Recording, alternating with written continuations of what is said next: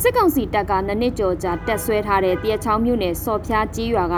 စစ်ကောင်စီစခန်းကိုပြည်သူ့ကာကွယ်ရေးအဖွဲ့တွေကဒီကနေ့မနက်မှာမိရှို့ဖျက်ဆီးလိုက်ပါတယ်။စော်ဖျားကြီးရွာတောင်ပိုင်းဖျားကုန်းမှာအင်အားဆယ်ကနန်းရှိတဲ့စစ်ကောင်စီတပ်သားတွေကစခန်းကိုစွန့်ခွာသွားတာပါ။ပြူစောတိအင်အားကောင်းတဲ့စော်ဖျားကြီးရွာကတဝယ်မြို့နယ်ကနေ15မိုင်ခွန့်အကွာမှာတည်ရှိပြီးတော့စစ်ကောင်စီကအဲ့ဒီကြီးရွာမှာ2021နှစ်လယ်ပိုင်းလောက်ကလေးကလာရောက်တက်ဆွဲထားတာလည်းဖြစ်ပါတယ်။ ဒီစခန်းကိုပြည်သူ့ကာကွယ်ရေးအဖွဲ့တွေကမကြာခဏလာရောက်တိုက်ခိုက်လေးရှိပြီးတော့အခုအခါမှာတော့စစ်ကောင်စီတပ်တွေကစခန်းစွန့်ပြီးထွက်ခွာသွားတာဖြစ်ပါတယ်။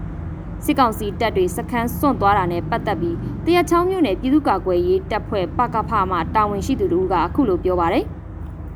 ဆိုးဆိုးရွားရွားအကြောင်းရလဲကျွန်တော်တို့ပြည်သူတော်ပြည်ကျွန်တော်တို့အဖချာလူကြီးမဲ့လူဖြစ်တယ်လူကြီးဆုံးသွားတယ်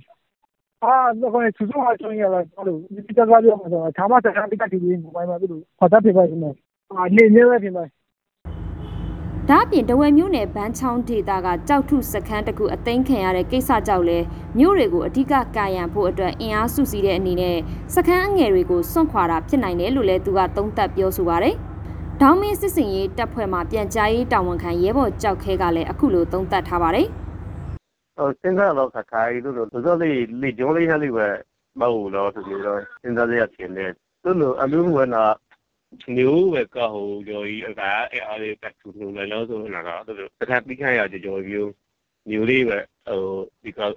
သာဘီကဟိုပုံစံမျိုးလို့သူမျိုးတဲ့အချင်းစဉ်းစားမိရဲ့ပေါ့လွယ်လွယ်တော့လာရှင်လို့ပုံမှန်2023ခုနှစ်ဧပြီလကလည်းပြည်သူ့ကာကွယ်ရေးပူးပေါင်းတပ်တွေကစော်ဖျားစခန်းသိမ်းတိုက်ပွဲတစ်ခုဖော်ဆောင်ခဲ့ဖူးပေမဲ့စစ်ကောင်စီတပ်ဖက်ကလက်နက်ကြီးပစ်ကူနဲ့ခြေလင်းစစ်ကူတွေစောစီးစွာရောက်လာတဲ့အတွက်စခန်းမသိမ်းနိုင်ပဲဆုတ်ခွာခဲ့ရပူပါတယ်။ အခုအခါမှာတော့စော်ဖျားစခန်းကိုပြည်သူ့ကာကွယ်ရေးတပ်တွေကမိရှို့ဖျက်ဆီးလိုက်ပါပြီ။ပြီးခဲ့တဲ့နှစ်ကလည်းလောင်းလုံးမြို့နယ်ကတကြက်တော်ရဲစခန်းကိုစစ်ကောင်စီတပ်ကစွန့်ခွာသွားပူပါတယ်။